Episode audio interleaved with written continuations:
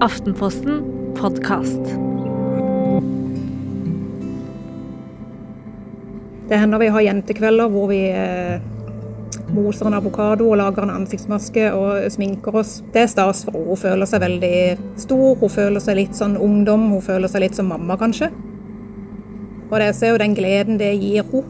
Eh, og jeg har ikke lyst til å ta det fra henne, for det er en veldig fin ting vi har. Og jeg ser ikke noe galt i å prøve ut sånne ting hjemme, men det er den grensen med at dette skal ikke ut.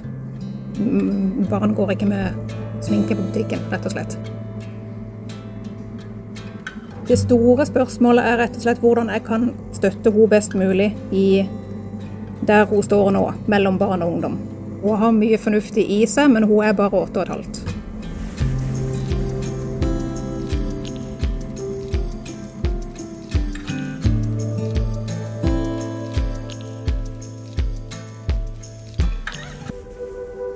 Du har fireåringen som banner som en sjømann.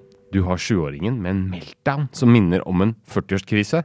Du har åtteåringen som har lyst til å begynne å gå med bh. Og så har du 16-åringen som plutselig vet alt om livet og samfunnet bedre enn deg. Barn som er tidlig på'n, Hedvig Montgomery, som tar deg off guard. Du var ikke klar for dette allerede nå. Hva er det vi egentlig snakker om i sånne tilfeller? Nei, altså For det første så er jo vi foreldre nostalgikere. Vi vil jo gjerne ha det barnet vi kjenner, og vi vil gjerne holde på den der ja, nettheten som barna har. Det er bare det at det er ikke den de skal ha. De vokser, de blir større, og de prøver ut nye roller. Og når de prøver ut de nye rollene og de nye ordene som de har plukket opp på YouTube eller noe annet sted, så er det klart at vi foreldre noen gang kan bli helt sånn Hæ, er du der allerede? Det, det er ikke jeg forberedt på. Mm -hmm. Og er det egentlig der du er? For du er jo så liten og søt, mm -hmm. og jeg mhm. vil at du skal være liten litt grann til. er det det det handler om? At vi er litt sånn samtidsnostalgikere? Ja, og så er det vel én ting til. Vi er jo redde for at barna skal uh, gå ut og banne på den måten ute og, og, oppføre seg så seksualisert at de blir utsatt for overgrep ute. Altså, vi, vi, er jo rett og slett redde for at de prøver ut en rolle som de ikke er modne for. Mm. Vi uh, har foreldresjokket som en sånn slags heading på denne episoden. Og hvorfor blir det så sjokkarta? For det første så må jeg bare si at det er sjokkartet fordi når det kommer, så er det så brått første gangen. Hvor har du lært deg disse ordene? Jeg vet ikke hvor mange ganger jeg har hørt foreldre spørre meg om det. Jeg skjønner ikke hvor hun har lært det engang. Vi snakker ikke sånn hjemme.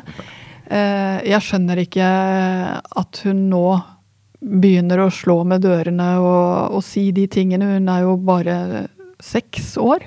Mm. Eh, sånn at det kommer så brått på oss.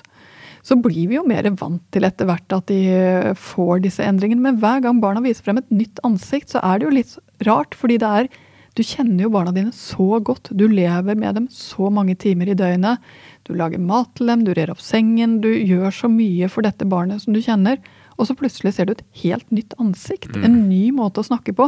Hvis ikke det gir sjokk, så skjønner jeg ingenting. Nei, og det vi får særlig mange henvendelser om, vil jeg si, eh, bl.a. i Facebook-gruppa vår, er såkalte preteens, eller minitenåringer. Altså noen som er et sted midt mellom barndom og ungdom, og mer over i ungdomsoppførselen. Hva er egentlig preteens? Hva, hvilken periode er det vi snakker om da? Altså, det er en periode før pubertet. Jeg vil vel ha sagt førpubertet, hadde vi kalt det i gamle dager. Ja. Eh, hvor kroppen begynner å gjøre seg klar. For en av de tingene vi vet nå, det er at før puberteten inntrer og den store hormonelle skiftet klikker inn, så er det to-tre år hvor kroppen gjør seg klar til det. Mm -hmm. eh, så det ene det er rett og slett at kroppen begynner å gjøre seg klar mot det store som skal skje. Og da er barna nesten litt sånn vekselvis mellom å være ville sitte på fanget og holde i hånden og, og, eh, skulle flytte hjemmefra og begynne å prøve ut voksenroller som vi ikke syns de er klare for. Eh, så det er så forvirrende for oss voksne. Og det er mange som tenker det at dette kommer tidligere nå enn før. Jeg tror det er mange foreldre som mm. kjenner på De sier jeg kan ikke huske at jeg var sånn da jeg var ti mm, år. Eh, jeg tror det er mange foreldre som kjenner på den. Eh, til det er svaret på Jeg tror for det første du husker litt dårlig. Mm. Eh, hvordan foreldrene dine så på det. Jeg tror nok foreldre fikk dette sjokket også for 40 år siden. Eh, så helt nytt er det nok ikke. Vi vet at puberteten kommer litt grann tidligere nå, ca. tre måneder, enn det den gjorde for ti år siden. sånn at det er, det er, nok noen ting som kommer litt tidligere, men det er ikke mer vi snakker om heller. Altså Vi snakker om noen måneder tidligere. Men det andre som har skjedd, det er at ungdomskulturpåvirkningen kommer tidlig og massivt. Ja. Eh, for når du har muligheten til å se andre tenåringer som lager sminkevideoer eller lager gamingvideoer på YouTube fra du er åtte år. Så du ser liksom tenåringene er blitt mer synlige. Også for de mindre barna enn det de har vært tidligere. Så de lærer seg nok mye fakter og språk og eh, interesser eh, som de plukker opp på en annen måte nå enn før.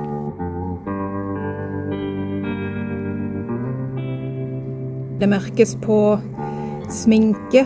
Det merkes på ja, generelt på utseende, hår og kropp. Det merkes på klær. Og det merkes også på ting som da eldre barn får lov til, som hun ikke er gammel nok til enda.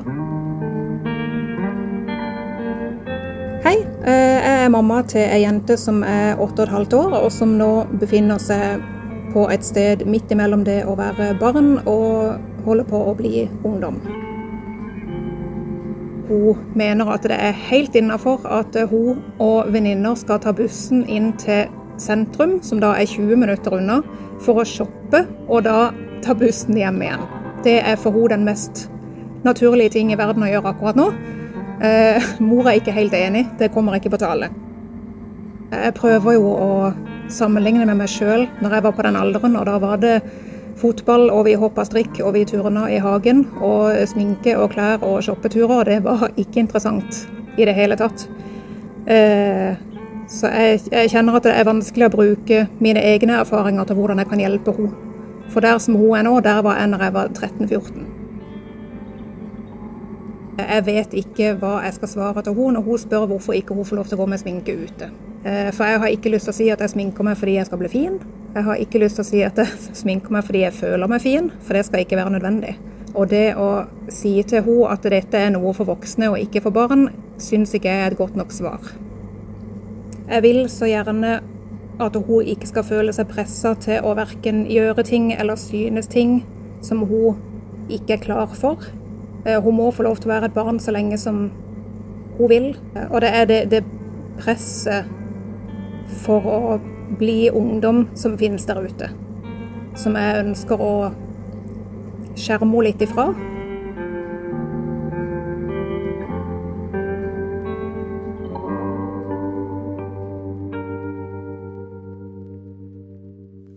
Fristende da er det jo å holde igjen.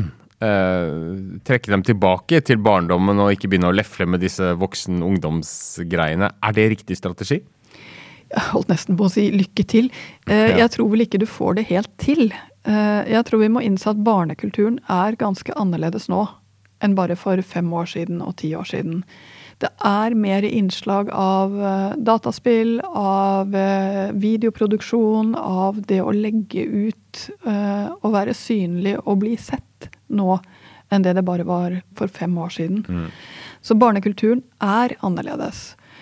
Eh, jeg tror det betyr at vi for det første trenger å se litt på hva de ser på, sånn at vi skjønner hvor de plukker opp disse tingene. Og de minste barna, de som er 8, 9, 10, 11 år, syns ofte det er ganske hyggelig at du er litt interessert. Uh, ser på han fantastisk morsomme som de syns er kjempestor, 17-åringen, som, uh, som, lager ting av ting som andre har kastet. Altså Det er massevis av sånne helt rare ting som de ser på og blir veldig fascinert av.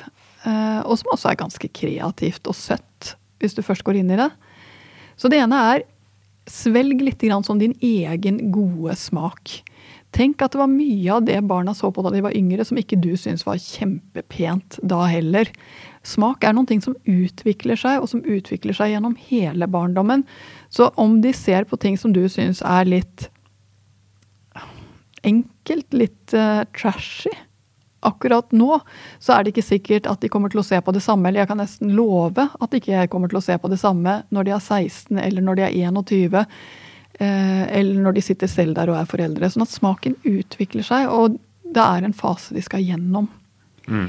Så første rådet er altså ikke bli for forferdet mm. over at dette er litt eh, annet enn det du selv ser på når du skal slappe av. Råd nummer to, da? Råd nummer to er eh, at dette er noe som de leker ut. Det er en del av barndommen, det er ikke en del av dem. Eh, og nummer tre, det er hvordan du snakker, hvordan du oppfører deg, hvordan, hva du er interessert i. Ta barna med på det også.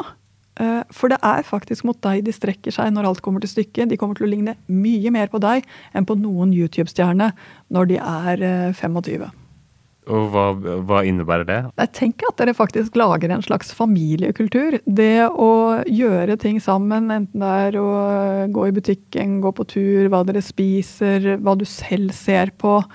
Alle de tingene der er med på å forme det barnet husker som sin oppvekst, ikke bare de YouTube-videoene. Så hvis du vil at uh, datteren din ikke skal sminke seg så tidlig, så må du egentlig ikke sminke deg selv, da?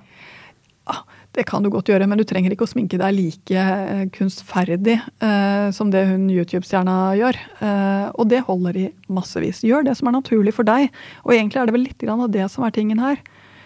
Det som er dere, betyr noe for barnet også, selv om det er fantastisk gøy å se på disse tingene utenfor.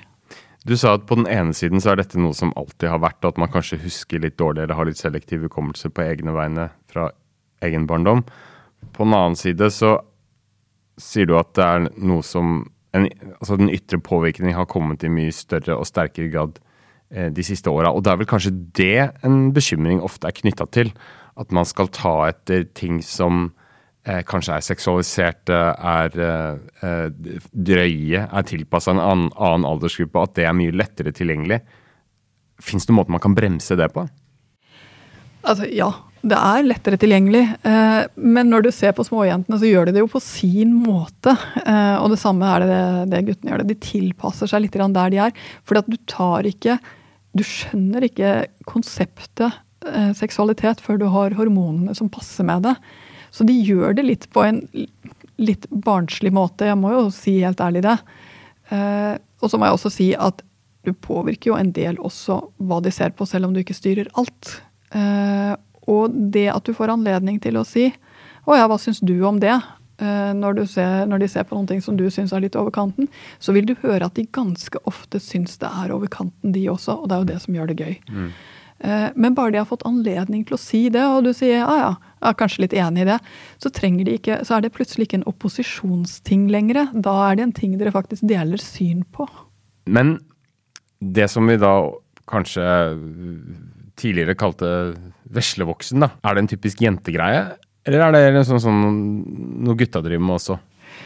Ja, De driver med det begge to. Men det som er interessant er at jentene begynner med det litt før. Sånn at du har ofte fått litt varsel ved å se på jentene i klassen hvis du har en gutt.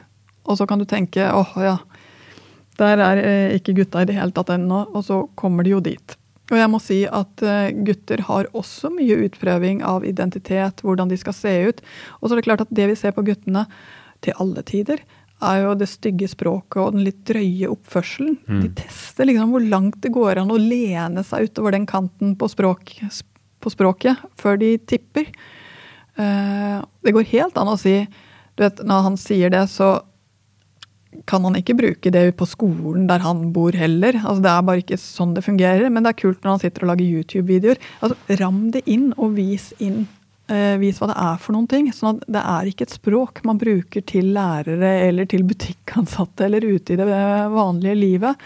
Og det skjønner barn ganske fort. De skjønner ganske fort de tingene der. At det er en sjargong, at det hører til noe sted. At det hører til et annet sted enn inn i skolehverdagen, eller kanskje til og med inn i familiehverdagen for å dvele litt til ved disse minitenåringene eller preteens, da, det sammenfaller vel ofte med en periode hvor det er ting som skjer med dem eh, fra naturens side, som gjør alt litt mer komplisert enn en den liksom litt glatte, fine barndommen? Altså Det er jo noen ting som skjer. Det ene er at de ser seg selv så mye mer utenfra. sånn at de blir jo opptatt av hvordan de ser ut. Er jeg kort? Er jeg for tjukk? Eh, er jeg eh, fin? Rett og slett. De begynner å se de tingene ved seg selv. Og Da kan man jo si at det er jo ikke alltid en fordel å sammenligne seg med de som er ferdig utvokst og mm. attpåtil ser ganske bra ut. Det er ganske strevsomt. På den annen side så er de også så langt fra det at det ikke er det som er så truende. De sammenligner seg ikke fysisk så mye med disse som er ferdige, som det de ser på de andre i klassen og de andre de har rundt seg. Så det er denne utenforblikket hvor de trenger ganske mye sånn Vet du hva, det går seg til. Vet du hva, det gjør ikke så mye. Ja, kanskje er du litt kortere, men vet du hva, kanskje vokser du litt etterpå også. Jeg vet ikke. Rett og slett at dette er ting som ikke er For ofte så blir man som forelder så engstelig. Har jeg en som har et dårlig kroppsbilde, kommer han til å få spiseforstyrrelser? Mm. Kommer han til å få komplekser? Så vi glemmer at den beste forebyggingen vi har, er egentlig at de føler at det er greit å være sånn som de er. Mm. Uh, at man sier ja, tenker at du kanskje syns det er finere, men hva vet jeg? Folk mener så mye forskjellig. Uh, lar det være litt mer åpent og litt mer trygt å være sånn som han eller hun er. Mener veldig lite selv, da. Ja, å mene mye om barnas eh, ytre vil alltid føre deg inn i, i farlig farvann. Mm. Eh, så der bør du nok bare tenke at ja, sånn går det også an å se ut, sånn går det også an å kle seg. Og noen barn er veldig opptatt av hvordan de kler seg, hvordan de ser ut, hva de har på seg. Andre barn bryr seg ikke. Eh, fortsetter i den der ta på seg det de hadde på seg i går. Og du må nesten tvinge klærne i vask. Mm. Eh, så det er veldig stor forskjell fra barn til barn også her. Mm. Eh, men det jeg tror er litt spesielt også med preteens-tiden, det er at de så sosialt leter etter et sted å høre til noen andre som ligner på dem, noen som kan smile til de samme tingene som de smiler til, le av de samme tingene, diskutere de samme tingene. Uh, og det gjør at vi mister litt den der totale kontrollen over dem som vi har når de er yngre. Da kan vi bestemme hva de gjør, hvem de leker med, hvilke aktiviteter. Det blir slutt på det i 10-11-årsalderen. Og det er klart, det kommer som et sjokk. Mm. Eh, fordi vi er vant til å kunne ta de store beslutningene. Av og til tenker jeg litt på det sånn som det er når barna lærer seg ordet nei som toåringer, og plutselig kan si nei til mat de ikke vil ha, og si nei til øh, å bli tatt opp når de ikke vil bli tatt opp, eller ut når de ikke vil ut. Så blir du litt sånn Oi, hvor kom den stemmen fra? Mm. Uh, for frem til da har du kunnet ta på allting, har kunnet mate med allting. Alt har liksom vært opp til hvordan du har bestemt. Du får litt det samme sjokket, bare på den sosiale biten når de blir 10-11. Det betyr at de vil velge venner selv, de vil velge aktiviteter selv, de vil velge hva de ser på selv. De vil velge hvor de hører seg hjemme selv. Eh, og det er ikke nok at du syns det er bra, eller du syns de burde gjøre det. Jeg har ingen preteen selv, men eh, til stadighet i det siste har det dukka opp eh, en bestemt setning som går igjen. Og det er 'du kan ikke bestemme over oss'. Og da kjenner jeg at jeg eh, syns det er litt vanskelig å svare på det. Jeg tror ikke jeg har en preteen der, men, men hva er egentlig det beste svaret på det? Jeg uh, vet ikke. Jeg pleier å si noe sånn det har du helt rett i, men vi må allikevel gjøre dette. Uh, og for en uh, tre-fireåring så er det faktisk et helt greit svar. Ja, og ofte er det ganske lett å forklare òg, fordi at det handler nå sist denne uka om å gå opp trappa.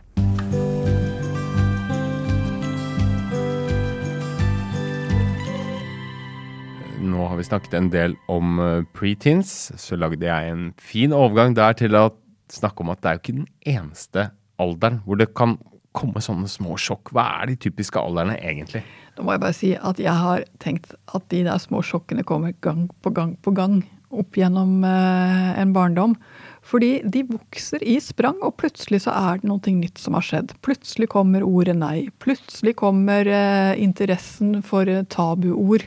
Plutselig så kommer evnen til å på ekte begynne å ta noen egne valg. Eh, og det handler rett og slett om den utviklingen de går igjennom mot å, å få denne evnen til å forstå, passe inn, være en del av.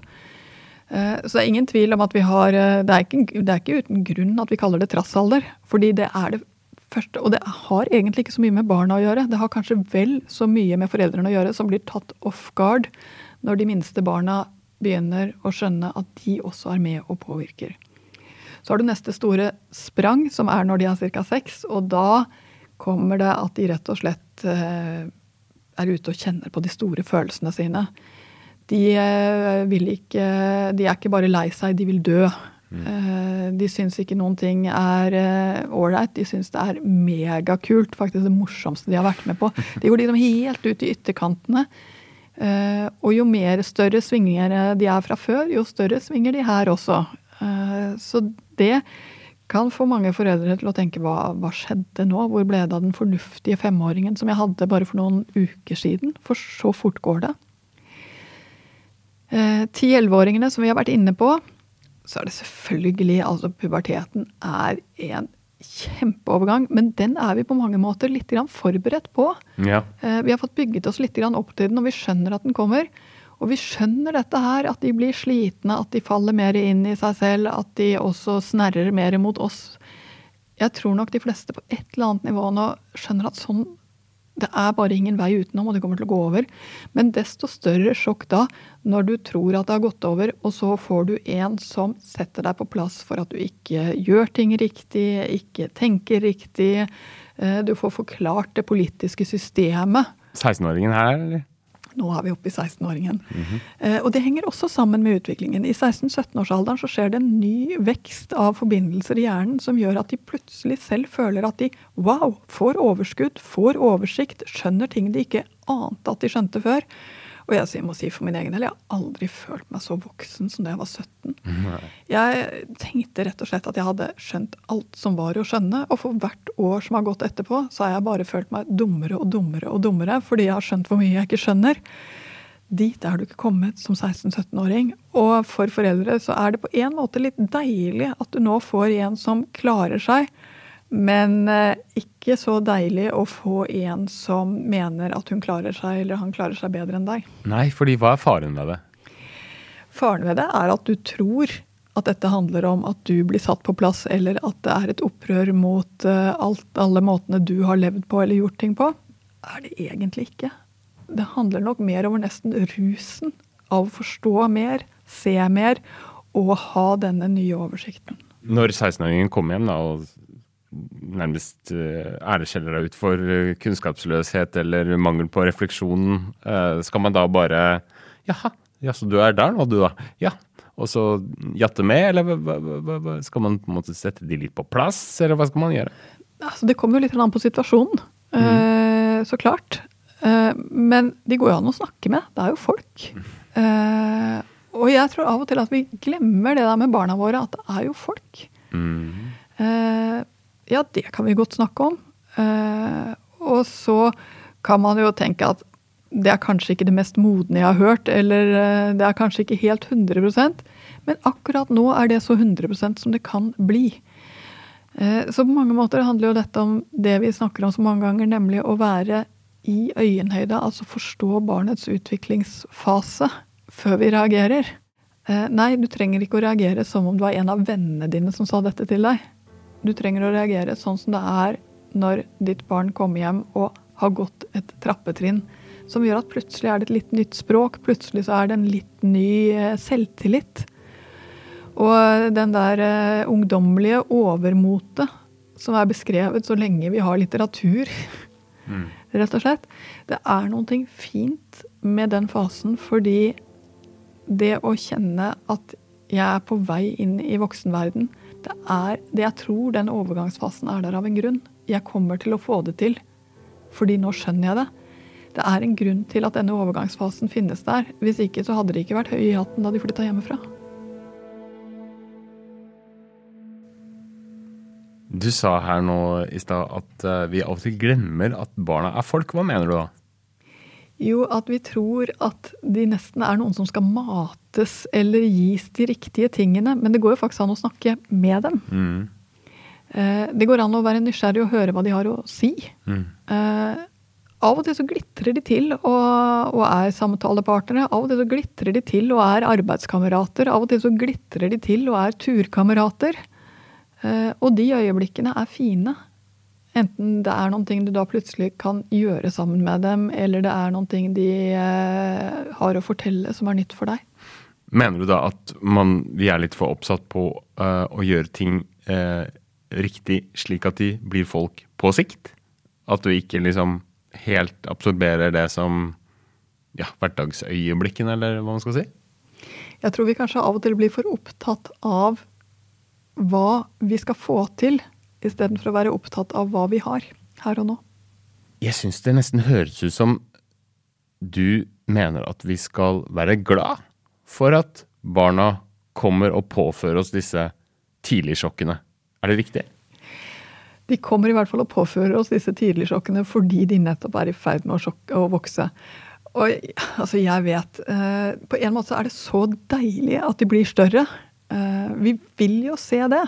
Og på den annen side så føler vi jo at det at de har tid til å være barn, de har tid til å være små eh, Og attpåtil, hvis det er yngstemann, så vil vi jo helst at de skal være små også.